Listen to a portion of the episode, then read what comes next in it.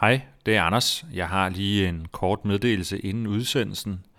Denne podcast er en samtale med adjunkt Rasmus Dalberg om, øh, hvad værdien er af at studere militærhistorie. Ideen til udsendelsen opstod på baggrund af et debatindlæg, som kaptajn Alexander Witt skrev over på Olfi for et par måneder siden, hvor han argumenterede for, at danske soldater skal blive bedre til at studere krigshistorien – Rasmus Dalberg forholder sig i den her udsendelse til Alexander Witts debatindlæg, og der er nogle områder, hvor de ikke er helt enige. Siden vi øh, optog udsendelsen, har Alexander Witt så udgivet en ny artikel over på krigskunst.dk, hvor han opstiller 10 grundregler for krig, som han har udledt ved at studere krigshistorien. Jeg synes, at han her øh, nuancerer nogle af de pointer, han havde i den oprindelige artikel, og måske kommer han også Rasmus Dalbergs indvendinger lidt i forkøbet det er værd at have i baghovedet, når man lytter til podcasten, hvor Rasmus Dahlberg kun forholder sig til det, som Alexander Witt skrev på Olfi. Vi indsætter et link til Alexander Witts nye artikel i shownoterne, så kan man selv klikke sig over og vurdere, om Alexander Witt og Rasmus Dahlberg i virkeligheden virker til at være uenige, eller om de måske i virkeligheden står for nogenlunde den samme tilgang til, hvordan man skal studere krigshistorie. Og med den lille indledende besked er det nu øh, videre til udsendelsen.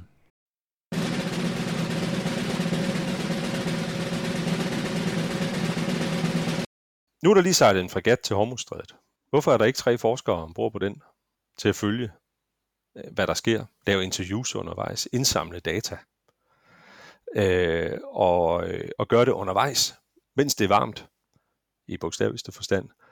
Øh, lave opfølgende, have været med fra starten, øh, dokumentere planlægningen af sådan en, øh, en, øh, en mission, og så i hele erfaringsopsamlingsprocessen.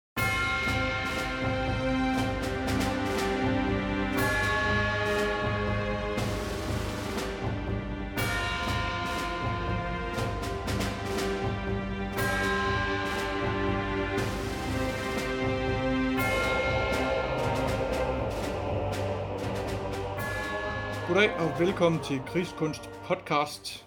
Det er podcasten, hvor vi har interviews og samtaler med spændende personer om militære emner og sikkerhedspolitik. Mit navn er Kasper Vester, og ved min side, i hvert fald sådan virtuelt, der sidder min medvært Anders Puk Nielsen.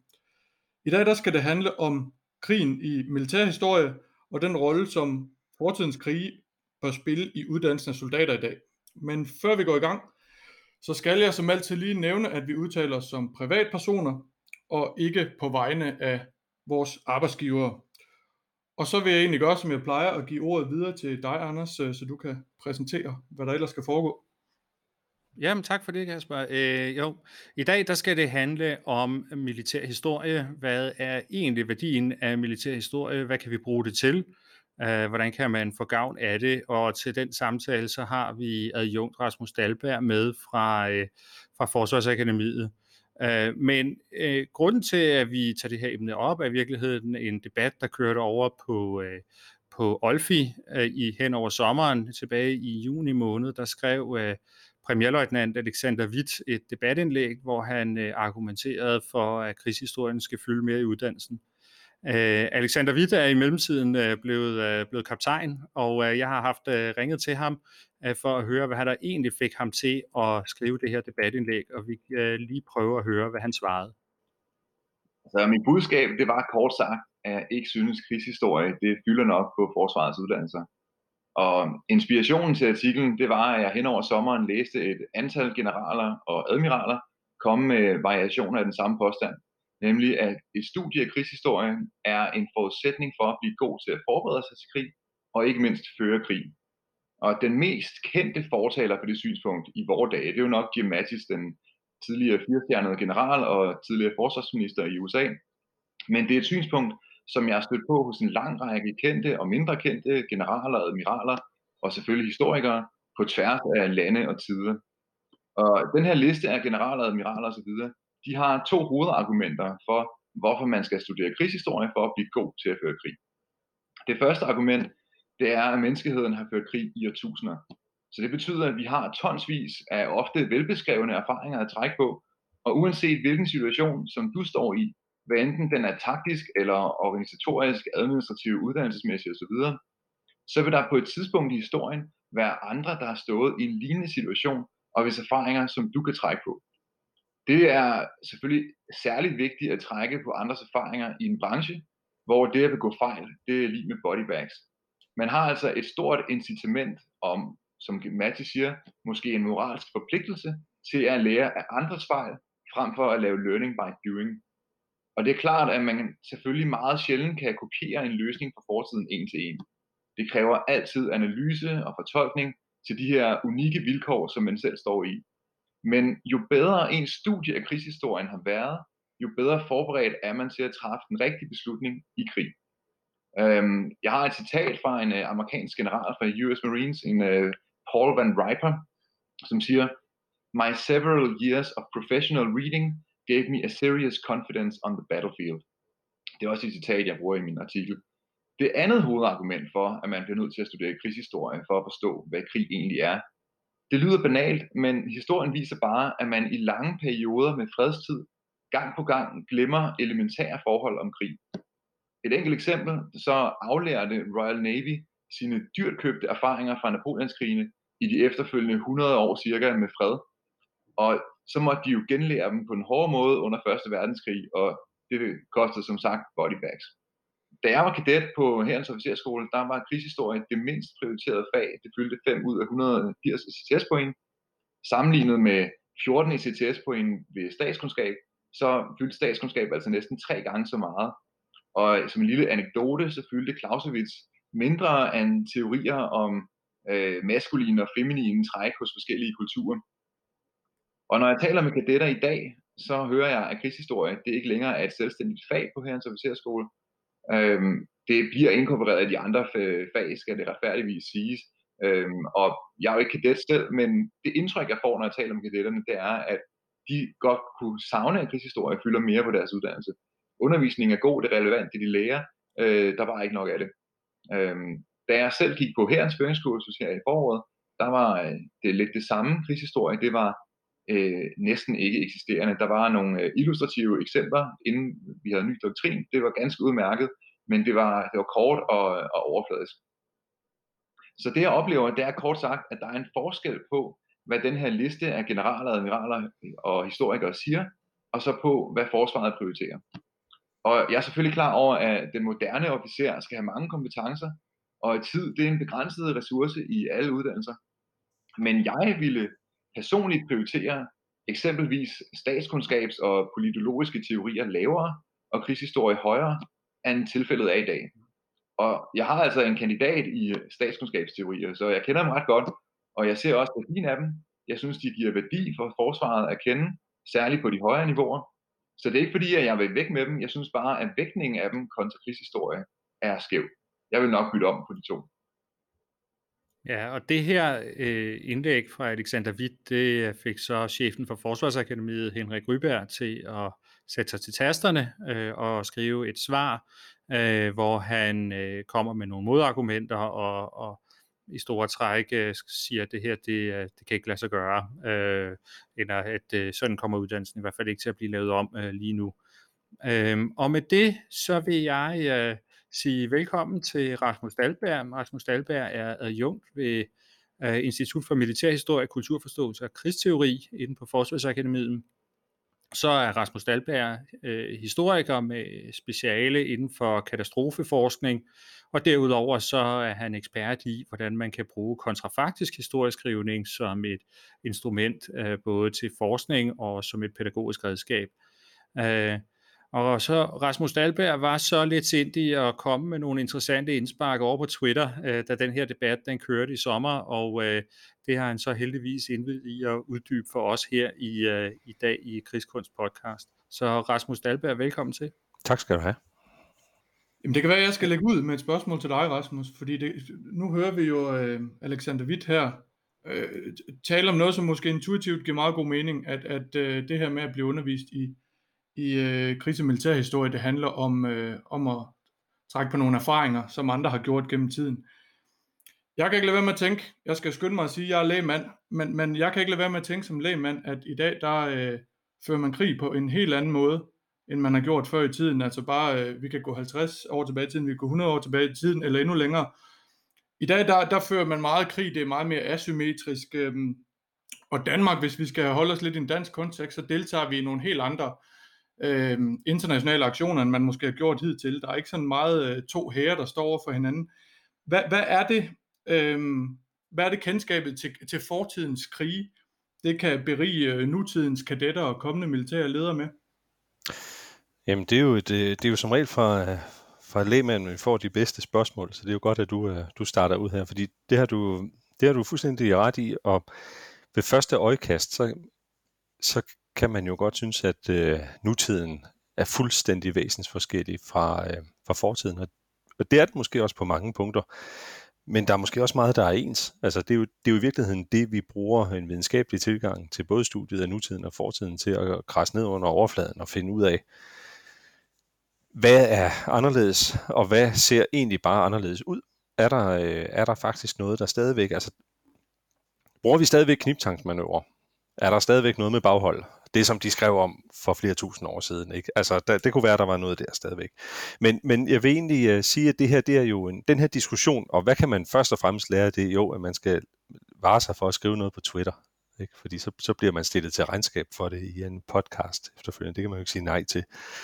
Men, men der er jo en, en, øh, en meget fundamental diskussion, en faglig diskussion for øh, folk, der beskæftiger sig professionelt med, øh, med historie, som handler om først og fremmest, er historie et fag, der bor på humaniora eller på samfundsfag i virkeligheden ikke? Altså er det det, man kunne kalde en ideografisk, eller er det en nomotetisk videnskab? Er det en, øh, en øh, ideografisk videnskab i den forstand, at den beskæftiger sig med egenarten i øh, fortidige begivenheder og fænomener. Altså vil vi studere Hitler for at forstå Hitler? Eller er det en nomotetisk videnskab? Altså så er vi over på, på øh, samfundsvidenskabelig fakultet. Er den regelsøgende? Er den mønsteranalyserende? Er den, øh, studerer vi øh, Hitler for at forstå diktatoren? for at se, hvornår historien gentager sig. Altså de to forskellige forståelser af historiefaget er virkelig meget grundlæggende. Det er meget forskelligt, hvor i verden vi er. I den, øh, i den angelsaksiske verden, der bor øh, historie typisk lidt mere på øh, samfundsvidenskab. I den kontinentale europæiske tradition, der bor historie typisk lidt mere på øh, humaniora. I Danmark er vi i øh, sådan historievidenskabelig forstand også en øh, tysk øh, kulturprovins, øh, der historievidenskaben kom fra Tyskland til, øh, til Danmark i 1800-tallet. Og derfor har vi ligget øh, mest i, øh, i den i den boldgade i, øh, i Danmark, altså den her mere øh, ideografiske beskæftigelse med historien for historiens skyld og for egen artens skyld.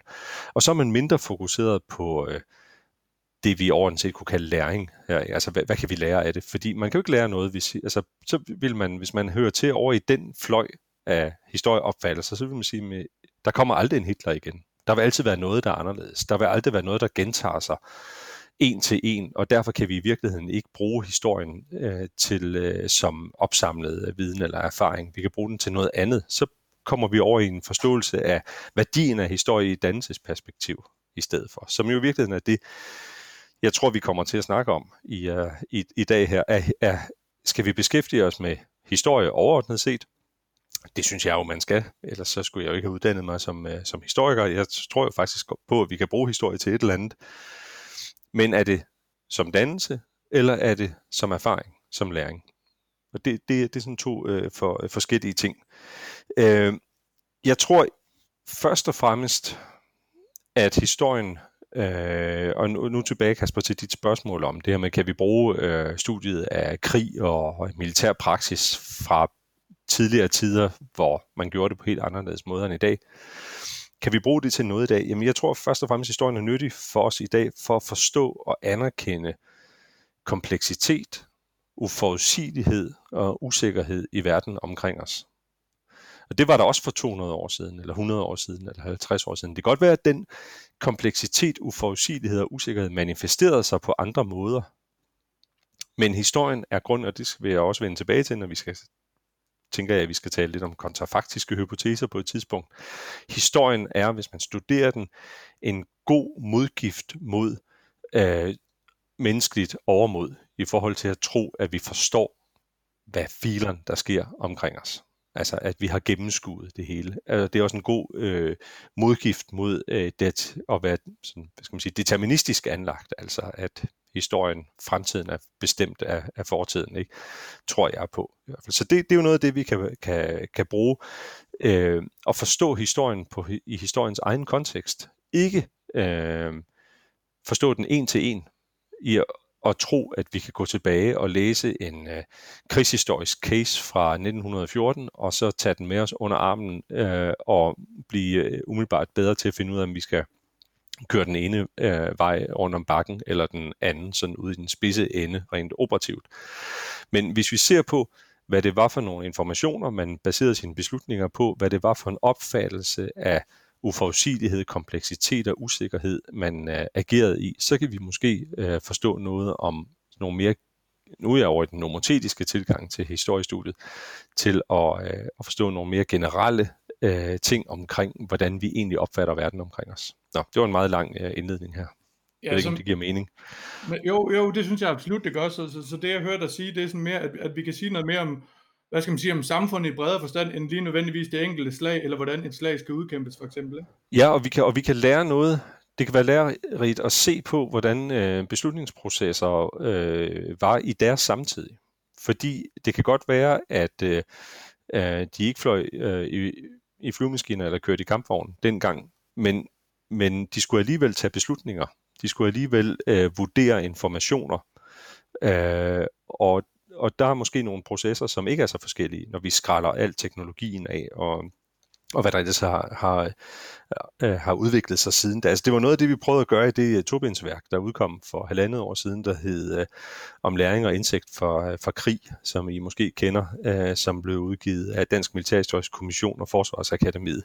Det var sådan en rigtig øh, øh, murstensværk i to bind, ikke, øh, redigeret af Michael Klemmesen, øh, som netop gik ind i en masse cases fra, øh, fra dansk krigshistorie, øh, som man i virkeligheden kan læse i et dannelsesperspektiv. Det kan man godt læse, og så kan man føle sig lidt mere dannet som, øh, som soldat, som officer efterfølgende, når man har læst den. Men man kan jo også læse dem øh, for at prøve at forstå, hvad det var for nogle øh, mere generelle problemstillinger omkring det at skulle handle i usikkerhed øh, beslutningstagere på alle niveauer øh, stod overfor i de her fortidige situationer. Så der er sådan et, et ledelsesperspektiv, som i virkeligheden måske er mere overførbart end selve krigshandlingerne er.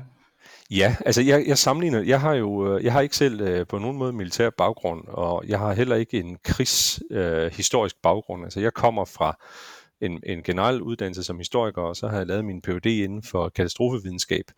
Og det, jeg egentlig har beskæftiget mig øh, mest med øh, fagligt, er øh, teknologisk producerede katastrofer. Øh, og jeg skrev et, et, øh, et kapitel sammen med Clemsen i førnævnte værk om læring og indsigt for krig, hvor jeg prøvede at trække nogle af mine erfaringer fra studiet af, af de her teknologisk producerede katastrofer, altså flystyrt og industriulykker og, og den slags, over til at sige, er der noget indsigter herfra, vi kan bruge i studiet af, af krisen militærhistorie. Og, og der kan jeg jo se, at jeg undervist for, for mange år siden på baggrund af nogle af de første ting, jeg skrev om det her. Øh, de ansatte i et meget, meget stort dansk olie- og gasfirma, som havde en masse platform ude ved Nordsøen dengang, i øh, at undgå, at deres øh, olieplatforme øh, røg i luften. Det var de jo interesseret i. Øh, og øh, de havde fået alle de kurser i sikkerhed, man overhovedet kunne få i sådan et compliance-perspektiv, altså alle de der certificeringskurser. Så, så det ledelsen gerne ville nu, og det de købte mig til, det var at udvikle deres sikkerhedskultur. Altså hvordan tænkte man sådan i mere abstrakte tanker omkring øh, menneske-maskine-interaktion og sådan noget i de her komplekse teknologiske systemer. Og min metode for at gøre det, det var at fortælle dem historier fra øh, teknologihistorien. Ikke nødvendigvis, øh, faktisk slet ikke offshore-industrien, fordi det er sådan en lille ting, jeg har fundet ud af, at når man taler for, for folk fra øh, olie- og gasbranchen, så skal man altid fortælle dem om flystyrt og, og øh, jernbaneulykker, og når man taler øh, når, for piloter, så skal man altid øh, sige noget om offshore-industrien, fordi så bliver folk ikke fanget i at de bliver ikke optaget af at finde fejl i det, jeg siger, men fokuserer i stedet for på den mere generiske læring, det mere det, man kan kalde systemteoretiske læring. Altså, hvad er det for nogen? Noget af det, jeg interesserer interesseret mig meget for, det er sådan noget, sådan nogle human factors. Altså hvad er det for nogle øh, meget generiske øh, handlemønstre, som er, vi ved alle sammen, at øh, nysgerrighed slog øh, smedens kat ihjel. Og jeg æder med mig også meget andet på samvittigheden i, øh, i teknologi- og industrihistorien. Ikke? Altså, der famous last words, I wonder what that button does. Ikke? Altså især for mænds vedkommende. Og så kunne vi, øh, og så, så gennemgik jeg en masse sådan, teorier om det og eksempler, og så, øh, og så arbejdede vi med at overføre det på deres på deres egen virkelighed og deres egen hverdag og deres branche. Det fungerede overraskende godt. Så det, det, er sådan, det var et eksempel på, hvordan jeg har brugt indsigt i historien overført på nutiden til at skabe større forståelse for komplekse samspil. Men en, en af de ting, som Altså nu, nu nævner du det her med, at der er forskellige tilgange, og der er den der ideografiske, hvor man studerer et eller andet, fordi man rigtig gerne vil lære noget om lige præcis den ting, mm. og så er der den nomotetiske, hvor man sådan leder efter mønstre. Øh, og jeg får sådan lidt, øh, lidt fornemmelsen af, at du måske selv er over i, øh, i, i gruppen af folk, der synes, det sidste det er det mest interessante, det der med at finde, finde ikke, sådan... Ikke nødvendigvis. Ikke nødvendigvis, nej. nej, det, det sjoveste bliver som regel, når man øh, kombinerer det på en virkelig øh, lækker måde. Okay. Ja. Øh, jeg kunne godt tænke mig at spørge dig, altså et, et eller andet sted, så er problemet vel med historie, at, at historien er så utrolig lang. Altså, mm. øh, og, og så bliver spørgsmålet så, hvad er det i virkeligheden så, man skal studere? Og øh, som Alexander Witt også er inde på i sit indlæg, at et eller andet sted, så, så er hans drøm jo, at det her det er noget, som officerer, øh, eller i det hele taget som soldater, studerer hele vejen gennem deres karriere. Så det, mm. det, det er sådan en langt hen ad vejen lagt op til selvstudie også, fordi man kan ikke få det hele ind på en uddannelsesinstitution. Øhm, altså, hvor, hvor, er du enig i, i, i det perspektiv på det, og øh, hvordan ved man, hvad det er, man skal sætte sig ned og, øh, og, og, og læse om så? Altså, hvilke dele af historien det er, der er interessante? Ja, altså, det, det, du har fuldstændig ret. Historien fylder øh, frygtelig meget. Man kan bare gå ind i vores institutbibliotek og se, der ligger bøgerne i bunker. Øh, altså, det er vel et eller andet sted øh, en af de, altså, det er vel en af historievidenskabens, altså de, dem, der beskæftiger sig professionelt med historiens fornemmeste opgaver, det er vel at komme med nogle bud på fokus og prioritering. Altså og, og, og, og, og hjælpe lægmænd som Kasper for eksempel med at sige, hvad, hvor er der virkelig noget at komme efter? Altså, hvor er der nogle interessante problemstillinger i historien, som, som kunne være øh, nyttige at, øh, at kende til? Og jeg synes, jeg synes her, der er, det, der er det i virkeligheden øh, vigtigt at kende forskel på det, man kalder problemstyret og kildestyret tilgang til, øh, til historien. Øh, den gode historieskrivning og den gode historieforskning starter altid med et problem, ikke? med et spørgsmål. Hvad er det, hvad er det vi øh, undrer os over? Hvad er det, vi vil, øh, hvad er det, vi vil vide noget om? Hvad, er det, hvad, hvad var det, der var på spil her i, øh, i den her specifikke begivenhed, eller den her epoke? Øh, og det er der, hvor vi kan komme ind under huden på historien øh, frem for den mere kildestyrede tilgang, altså som er sådan populært sagt der, hvor man øh, ryster ting ud af arkivkasser, ikke? Altså den, den mere sådan, øh, øh, hvad skal man sige, øh, den deskriptive, øh, der beskæftiger sig med, hvad der skete. Altså hvor, hvor, hvor, øh, hvor man må tage udgangspunkt i spørgsmålet, hvorfor, hvorfor skete X? Hvad var det, øh, der, øh, hvilke faktorer øh, var i spil. Og, og, øh, og det, det, det, jeg vil frem til her, det er, det, det, øh, det hjælper en med at prioritere, hvad det er for nogle emner, hvad det er for nogle vinkler på historien, man kan få noget ud af. Fordi når man har en problemstyret tilgang frem for en kildestyret tilgang til historie, så betyder det også, at den historieskrivning, man så beskæftiger sig med, man bliver interesseret i, den er typisk mere teorifunderet. Vi har lidt en øh, den danske tradition for historieskrivning øh, sådan generelt er forholdsvis ateoretisk. Altså man har man har haft det den her gamle tyske tradition, der kom til Danmark øh, slutningen af 1800-tallet omkring år 1900, hvor man havde den her sådan videnskabeligheden lå i kildekritikken. Man kunne tage sådan et øh, et, et, et nærmest øh, altså meget sådan koldt, klamt og væseagtig tilgang til at vurdere kilder, og at man skulle øh, finde ind til øh, den øh, sande historie, der lå øh, bag ved kilderne.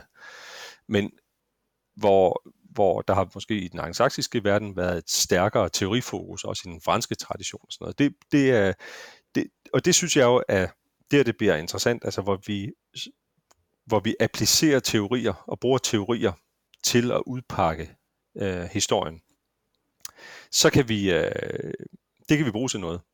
Og, og, og nu, øh, nu beskæftiger vi os jo så øh, specifikt med krigs- og militærhistorie her. Jamen så bliver det jo de teorisæt, de teoriapparater, der er inden for det område, vi så kan applicere på historien og pakke den ud. Så, øh, så, så, så begynder det for alvor at blive øh, relevant, tænker jeg. Øh, der, øh, der er ikke noget, øh, der er egentlig ikke noget, øh, det er også derfor, jeg væver lidt i det her, for der er jo ikke noget let svar på dit spørgsmål. Altså ja, hvis vi skal genopføre øh, historien, så bliver den lige så lang som historien selv, og hvis vi skal øh, starte fra en ende af, så bliver vi øh, helt sikkert aldrig færdige. Så, så vi må tage udgangspunkt altid i spørgsmålet. Altid den her quest, den her undren. Mm. Men jeg synes, for, du rammer... For at få hul på den, ikke? Jo, men jeg synes, du rører ved noget af det, som, øh, som jeg selv har, har overvejet, når det er, altså jeg er jo militæranalytiker, øh, og, og det vil sige, det er sådan mere de nutidige ting, jeg øh, beskæftiger mig med i mit arbejde, ikke? og øh, nogle gange så, øh, øh så giver det rigtig god mening at drage historiske analogier, øh, men, men andre gange så er det, altså det, det er jo i virkeligheden mere det der spørgsmål om, øh, hvad, hvad er krigshistorie og hvad er krigsteori, og, og hvor får vi teorien fra, og den kan man hente fra, øh, fra historien på en eller anden måde. Øh, og øh, jeg ved det ikke, jeg har været sådan lidt, øh, øh, lidt i tvivl om, at den rigtige tilgang i virkeligheden at studere mere historie, eller skal vi starte med at studere noget teori, og så på den måde sætte noget, noget historie på bagefter til at, og, og, at få noget kød og blod på det. Øh. Ja, ja og, og det, det er jo høn og ægget, ikke? Altså, fordi hvor kommer, som du også siger, hvor kommer teorierne fra? Ikke? Altså, de, de, øh, de, de, er jo ikke, øh, de er jo heller ikke hævet ud af den blå luft. Altså, te, som, jeg, øh, som jeg forstår teori generelt, så er det jo i virkeligheden forholdsvis simpelt. Det er nogle sammenhængende, sammenhængende sæt af udsagn om forhold mellem øh, fænomener inden for et afgrænset emnefelt. Ikke? Altså som, som siger et eller andet om, okay, her har vi øh, her kan vi sige, vi kan tegne et kort over, hvordan nogle fænomener påvirker hinanden hvordan de relaterer sig til hinanden, og det, er sådan, det bliver sådan en linse, vi kan putte ned over noget empiri, som gør, at vi kan forstå den bedre. Og hvis vi så putter en teori, der passer dårligt på den empiri ned over den, så forstår vi det ikke. Så laver vi dårlig videnskab. Ikke? Men hvis vi bruger den, hvis vi matcher den rigtige teori med noget øh, ordentlig empiri, der, øh, der, der, der kalder på den her teori, så får vi en større forståelse, end vi ellers ville have gjort ud af, af det her øh, materiale, vi kigger på.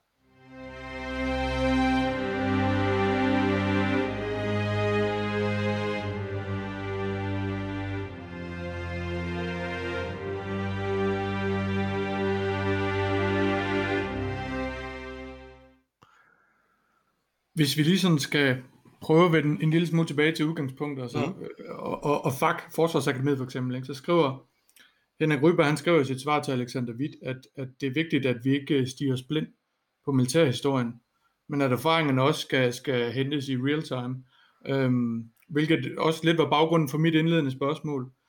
Mm. Hvordan øh, afgør man sådan, hvad der er den rigtige vægtning mellem øh, de erfaringer, vi, vi drager os lige nu, og så de erfaringer, som, som vi har draget øh, over tid? Øh, Jamen altså, vi kan jo vente og se, øh, om vi øh, vinder eller tager den næste krig.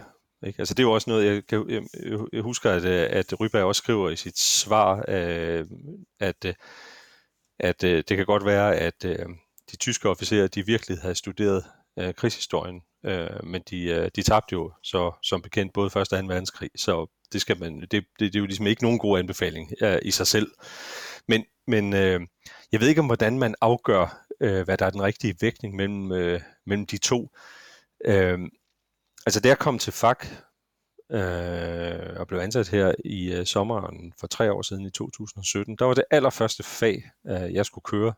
Lige jeg, jeg vidste dårligt, hvor kaffemaskinen stod på instituttet endnu. Det hed militær erfaringsudnyttelse.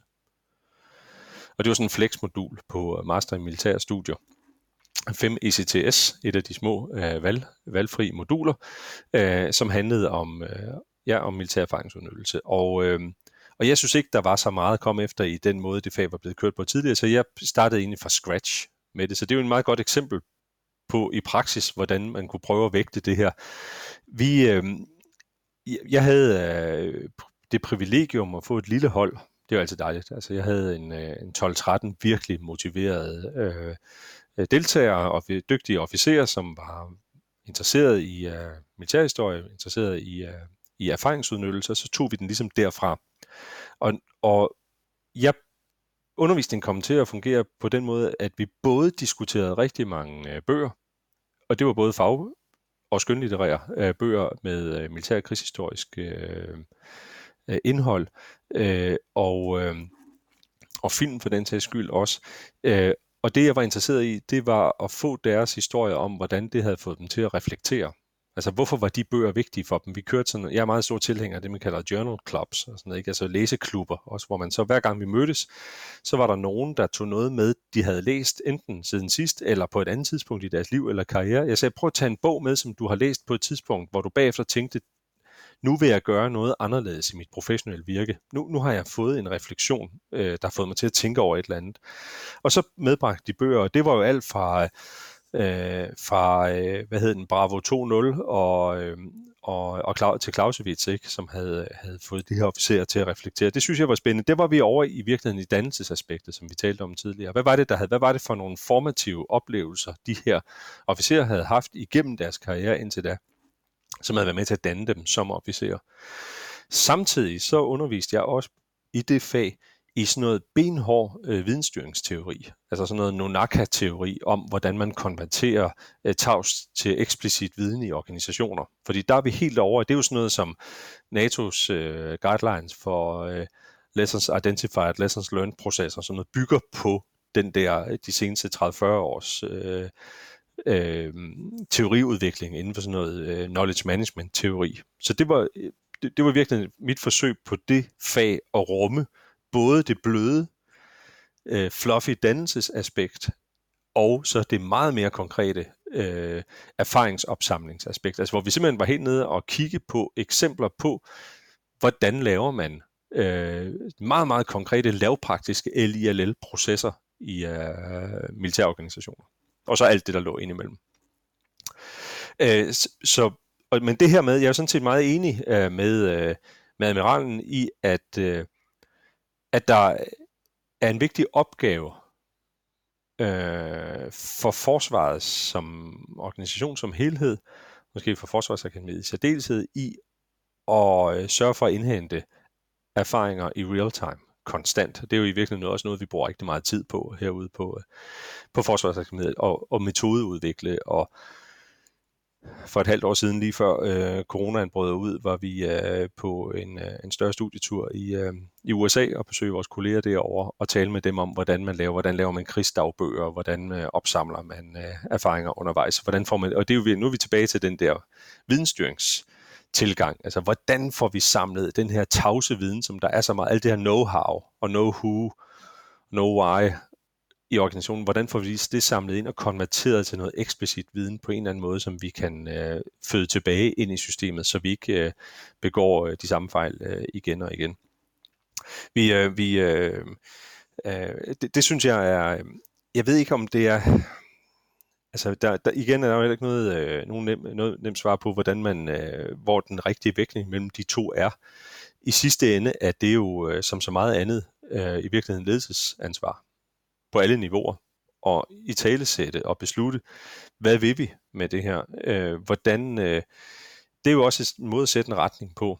Og er man forsvarschef, er man øh, værnschef, er man skibschef, hvorhen? Altså, øh, kommer man med en øh, læseliste og siger, øh, alle, der øh, gør tjeneste under mig, øh, læser fra nu af to øh, militærhistoriske værker øh, om måneden, og sådan er det. Øh, eller har man sit fokus på at optimere for eksempel LILL-processer. Øh, Hvad synes du? Øh, jeg er i virkeligheden øh, mest interesseret i, øh, i det her realtidsindhentning. Det, det, det tror jeg er det, vi kan flytte mest. Det, øh, det tror jeg i virkeligheden er det, vi skal gøre. Øh, vi øh, dybest set, øh, nu er der lige sejlet en fregat til Hormuzstrædet. Hmm. Hvorfor er der ikke tre forskere ombord på den til at følge, øh, hvad der sker, lave interviews undervejs, indsamle data øh, og, øh, og gøre det undervejs, mens det er varmt, i bogstaveligste forstand. Øh, øh, lave opfølgende, have været med fra starten, øh, dokumentere planlægningen af sådan en, øh, en, øh, en mission, og så i hele erfaringsopsamlingsprocessen efterfølgende. Også jeg har selv prøvet det i lidt mindre øh, grad på med, med store øvelser op i, øh, i Grønland øh, fra forskningssiden, mens jeg lavede min, øh, min PhD. Og det og, og sidde med fra start til slut til alle planlægningskonferencer, være med under en meget stor øvelse. I 2016 og Nuuk, ud i den spidse ende, lave observationsstudier, havde tre kolleger med, der lavede observationer andre steder, fire døgn lang øvelse, øh, og så være med til hele øh, opsamlingsarbejdet øh, efterfølgende. Øh, det, lige præcis det kommer der faktisk en, øh, en stor øh, videnskabelig artikel på vej ud i SJMS øh, øh, som vi udgiver øh, blandt andet her fra Forsvarsakademiet inden så længe. Øh, og, og det synes jeg er nyttigt. Sådan noget. Det kan jeg godt lide. Øh, så så hvis, hvis jeg nu var chef for det hele, så ville jeg sætte mere ind på det. Hmm. Også fordi det i virkeligheden, øh, det, det, er, det er forholdsvis nemt at gå til. Altså det er jo et spørgsmål om at allokere nogle ressourcer til det, og sige, det, det vil vi prioritere. Det vil man prioritere på de forskellige niveauer, øh, og sige, vi skal altid have, øh, vi skal altid have en forsker med. Ikke? Der er sådan, sådan embedded researchers. Ikke? Nu kan man have embedded journalists øh, i Afghanistan, så må man godt have embedded øh, researchers, og det kan jo ikke kun være, selvfølgelig er øh, historikere jo naturligvis uundværlige, men det kunne jo også være antropologer. Jeg havde, øh, det jeg lavede på Grønland, det var sammen med en antropolog og en organisationsteoretiker og en jurist, øh, der observerede på hver de, øh, deres niveau. Ikke? Og jeg tænker, der er det der gamle udtryk om, at gennemsnitsstørrelsen på en afrikansk husholdning er far, mor, syv børn og en antropolog. Så kunne man jo også sige, at øh, ingen operativ indsættelse af danske styrker er komplet, uden at der er en øh, historiker med. Ikke? Øh, det vil være passende, det, det synes jeg. Øh, jeg kan godt tænke mig her øh, øh, at, at, at øh, vende lidt tilbage til det, du, øh, du lige teasede om i starten med det her øh, kontrafaktiske historieskrivning. Øh, da jeg gik i gymnasiet, så havde jeg en øh, historielærer, som, øh, som sagde, at øh, kontrafaktisk historieskrivning, det beskæftiger vi os ikke med, det er uvidenskabeligt. Mm-hmm. Øh, og øh, det kan jeg så næsten øh, fornemme, at det, øh, det synes du ikke. Men, men, men hvad er det i virkeligheden kontrafaktisk historieskrivning er? Hvordan kan vi bruge det? Hvad kan det bidrage med? Der er masser af kontrafaktisk historieskrivning, der er uh, uvidenskabeligt, men uh, der er nok ikke procentuelt mere, end der er almindelig historievidenskab, uh, eller historieskrivning, der er uvidenskabeligt. Det, det handler jo om uh, transparens og i metodevalg og i uh, omhyggelighed med uh, kilder og den slags. Kontrafaktisk, altså det er jo mod kendskærningerne, kontrafaktum, Øh, det er jo sådan en, den her type historieskrivning, der starter med, hvad nu hvis? Hvad nu hvis øh, Hitler vandt af en verdenskrig? Øh, hvad nu hvis øh, general øh, Lees øh, tabte ordre under den amerikanske borgerkrig, ikke var blevet tabt, og så videre? Hvad var der så sket? Det, der er vigtigt for mig at sige, øh, den måde, jeg også har arbejdet med kontrafaktisk historieskrivning på, er, at det handler lige så meget om det, vi mener, der skete, øh, som almindelig historie. Det handler bare om at spejle det, vi mener, der skete, i noget, der kunne være sket. Og der er sådan to øh, aspekter af kontrafaktisk øh, historievidenskab. Der er det, man kalder kontingensanalyse. Det vil sige, at man fokuserer på åbenhed i historien. Kontingens, altså åbenhed, det modsatte er determinans, forudbestemthed.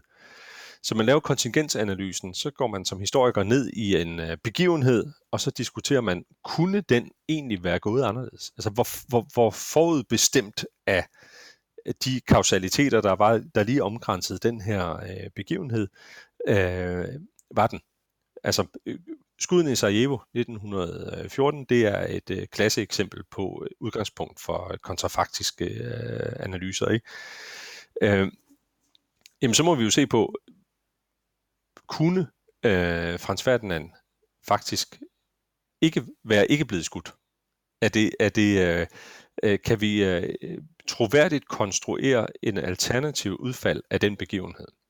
Når man så gør det, så diskuterer man åbenhed i historien. Når man så øh, ligesom er ligesom nået frem til, at noget er øh, til en vis grad åbent, så kan man så lave scenariekonstruktioner bagefter. Så er vi over i sådan noget, der deler vi noget metode og teori med for eksempel fremtidsforskning og sådan noget med forskellige, altså hvor man fremskriver nogle udviklinger. Et berømt eksempel, det er, det er en, en bog, der blev lavet om, øh, om øh, hvad nu hvis der ikke fandtes jernbaner i, øh, i øh, USA.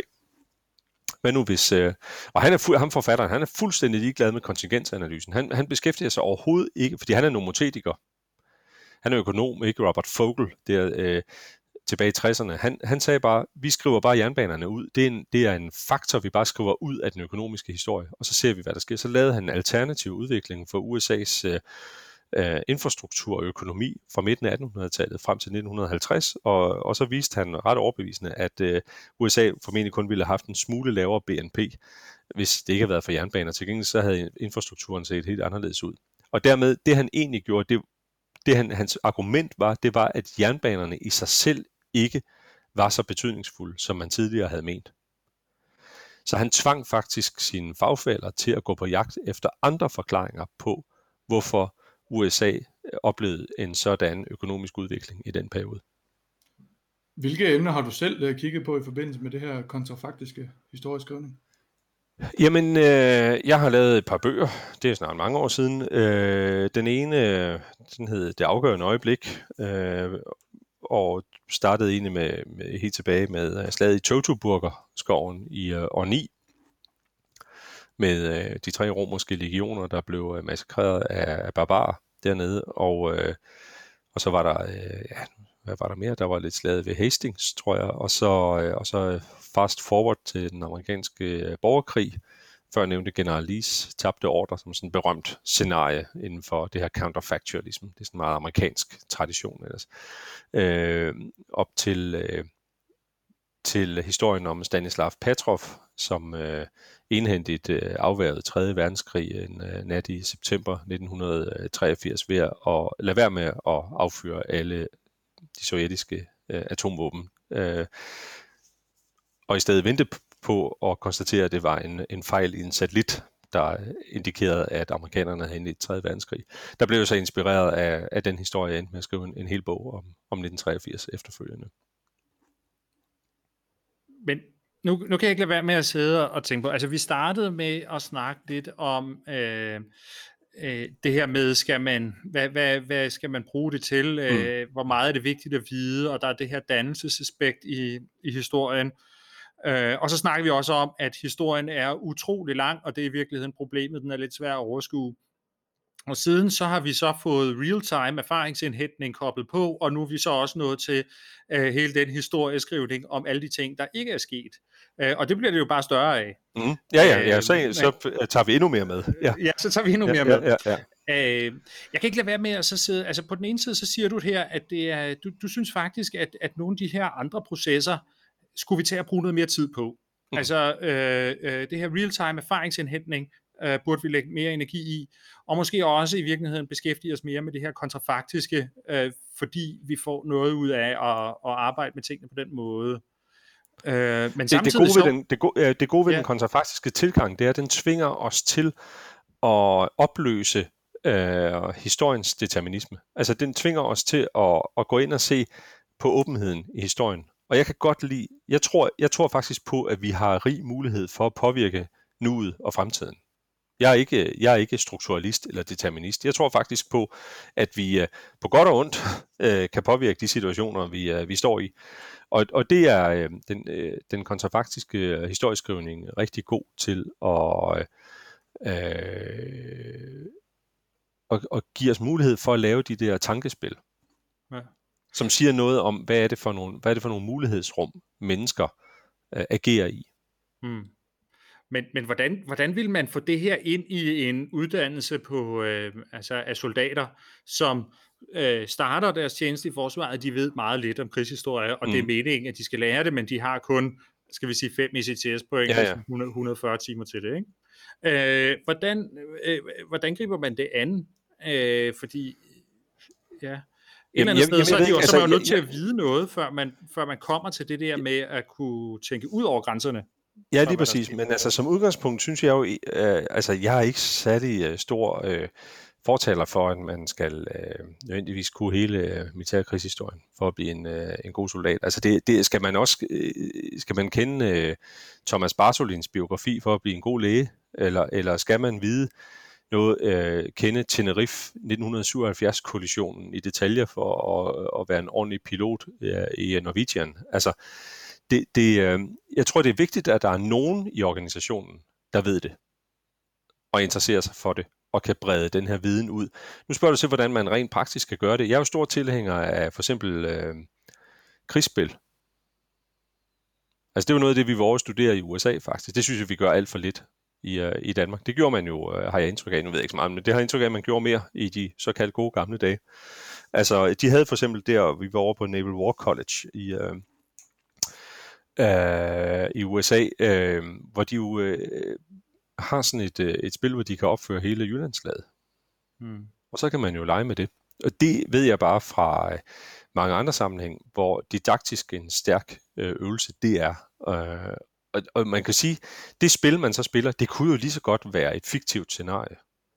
Man tilfører det bare noget mere kød og blod, og noget troværdighed, og noget liv, og noget indlevelse, når man tager et historisk øh, scenarie og putter ned i det. Det er historien rigtig god til.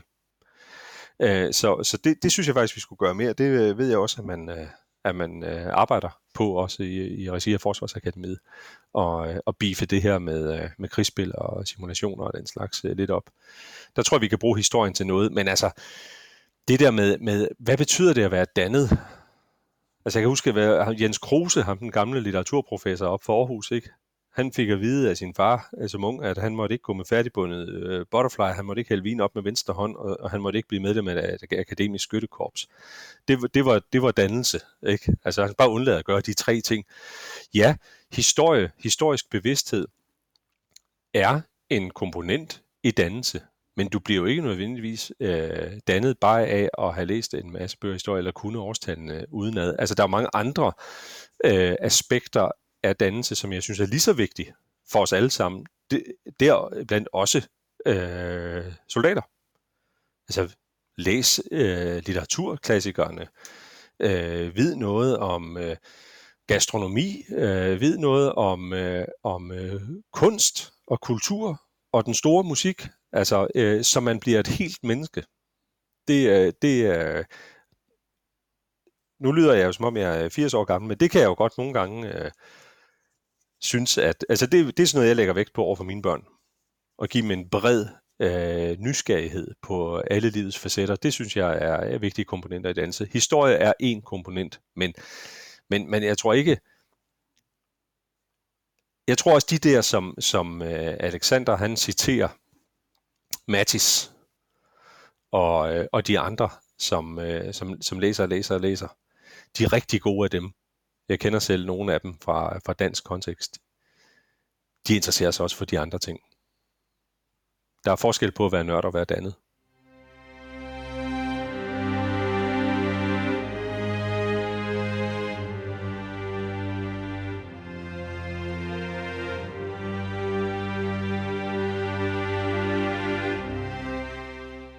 Nu har vi sådan diskuteret meget, hvad, hvad det kan bruges til, og hvad, hvad, hvad der er at hente ved, ved historie, også kontrafaktisk historisk skrivning, men sådan det springende punkt, hvis vi skal vende tilbage til udgangspunktet i Alexander Witts øh, kritik, det er jo, at der ikke er nok historie.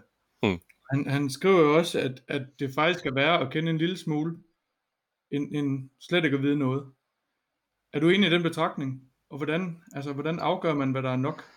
Ja, ja det, det, øh, det så jeg godt. Han skriver, at det er det der med, ja, det, det værste er, hvis man, hvis man lige har sådan en overfladisk viden ja. om tingene. Det er vel den der, er det ikke Dunning-Kruger-effekten, man kalder den der, ikke? Altså, hvor man ikke er klar over, øh, hvor, øh, hvor dum man, hvor er. Dum man er. Ikke? Altså, øh, og der, det kan godt lyde lidt hårdt, men øh, no, som akademiker synes man jo nogle gange, for eksempel folkeskolelæreruddannede, de er virkelig irriterende at diskutere med, fordi de har et forholdsvis overfladisk kendskab til, øh, til det meste, men til gengæld så øh, fremfører de det med stor overbevisning.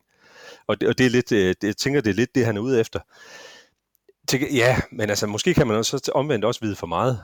Altså, øh, der når man... Øh, ja, så bliver det jo nærmest sådan øh, fanatisme, ikke? Altså man fordobler indsatsen, når man har glemt målet, ikke? Når man bare læser mere og mere og mere øh, om, øh, om øh, slaget ved Isted, ikke? Øh, jeg, jeg vil nok sige, jeg tror, jeg vil sige, at det er bedre at vide lidt end ingenting. Det tror jeg altså, det er. Men det er bedre at vide øh, nok end lidt. Men man, skal ikke, men man skal ikke vide så meget, man glemmer hvorfor. Hvis det giver mening. Ikke? Men det er, det er selvfølgelig klart det der med... Øh, jeg kan huske, jeg læste for mange år siden Erik Hobsbawms berømte bog om det korte 20. århundrede, Age of Extremes. Ikke? Og der, der står i forordet til en af udgaverne, at han engang, en stor engelsk øh, historieprofessor, han holdt, øh, han holdt et øh, foredrag om 2. verdenskrig på øh, en amerikansk universitet, en sommerskole. Og så kom der en af de studerende op til ham i, uh, i, efter oplægget og sagde, et meget interessant oplæg, professor Hobsbawm, men når de taler om 2. verdenskrig, antyder de dermed, at der har været en første. Og, og, og, og, og det, jeg vil jo ikke, jeg vil jo ikke sige, at det, det er det niveau, vi, er, vi møder af øh, vores kadetter, men, men, øh, ah, nej, men, men øh, bare man ved lidt, så er der noget at arbejde med.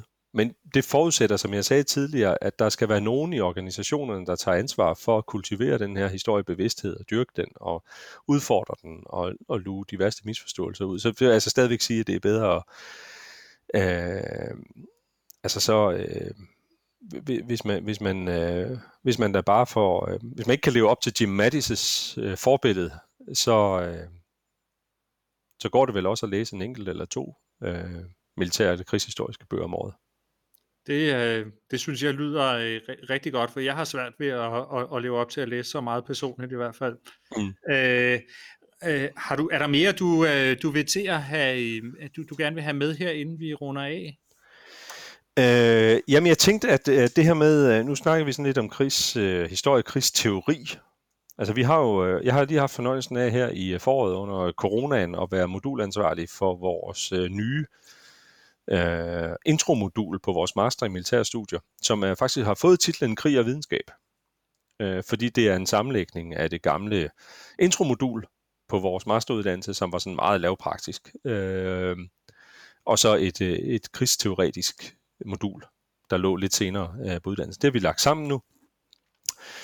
Og, øh, og det skulle vi så finde ud af, hvordan, øh, hvordan vi gjorde, eller hvordan jeg gjorde. Og, og der endte jeg med at bruge sådan en, øh, i virkeligheden sådan en øh, klassisk trakt, didaktisk traktform, ved at lægge meget, meget bredt ud og, øh, og diskutere, hvad er, hvad er krig, hvad er krigsvidenskab? Altså, hvad definerer det krigsvidenskab? Er der, er der, kan vi overhovedet tale om krigsvidenskab? Så havde vi en, øh, vores, vores øh, gode kollega Harald Højbak op fra Oslo, øh, der holdt oplæg om det. Øh, og så, øh, kombinerede, så koblede vi det derefter med generel videnskabsteori. Altså, hvad er viden? Hvordan tilegner vi os viden? Øh, epistemologi, ontologi og den slags fik kredset alt det her ind, og så bevægede vi os længere og længere ind i feltet, Øh, på dag 3, der var vi nede og tale teoretiske tilgange til strategi og til operationer. Altså, hvad betyder det? Det, jeg gav oplægsholderne, øh, den opgave, jeg gav dem, det var for eksempel at sige, hvad, er, hvad betyder teori inden for militære operationer? Hvad er teori? Hvad er forskellen på teori og doktrin, for eksempel? Hvad er relationerne mellem de her begreber? Og så sidst på ugen, der kom vi så frem til at blive sådan meget lavpraktiske og gik domæneteorier igennem. Altså, og der var vi så nede ved klassikerne. Vi havde jo øvrigt også en øh, uh, to timers seance om Clausewitz, øh, fordi det er jo øh, Clausewitz og, og, og på en øh, stærk andenplads øh, Chomini, øh, de teoretikere, vi stadigvæk øh, snakker meget om, selvom de har været øh, uh, stendøde i, i snart 200 år. Øh, men man siger jo om Clausewitz, at han er more quoted than read, så, så, øh, så, så jeg fik en, en kompetent underviser til at lave en en egentlig gennemgang af, hvad er det egentlig for nogle centrale begreber, vi har for Clausewitz, og hvad betyder de rent faktisk? Der er en tendens til, at vi nogle gange øh, ikke øh, taler Clausewitz, men taler om Clausewitz, og, og så har man selvfølgelig sat lidt af, hvis man ikke man har fået stadig sig igennem den, den tyske første udgave af, af vom Krige. Øh, og så, og så, så fik vi der, så, så blev vi så konkrete, at vi ligesom kunne gå igennem, hvad er det så for nogle egentlig teoretikere og teorier, der ligger inden for, øh, for øh, landkrigsdomæneteori, luft, øh, søkrig og hybrid. Og på den måde så fik vi øh, egentlig, synes jeg, indkredset, hvad er det, hvad er det for nogle måder, man kan forholde sig teoretisk slash akademisk til øh, krig og militær øh, praksis i, øh, øh, i sit virke som officer. Det, øh, det, det, det var bare lige for at give et eksempel på, hvordan vi rent faktisk prøvede at håndtere det her. Der var så ikke så meget historie i det. Nej. Jamen, øh, tak for det, øh, Rasmus Dalberg. Det bliver de sidste ord i øh, den her udsendelse. Øh, vi lægger nogle links ind til både Alexander Witz og øh, Henrik Rybergs indlæg. Øh, det kommer ned i show notes. Øh, og øh, med det, øh, tak for den gang.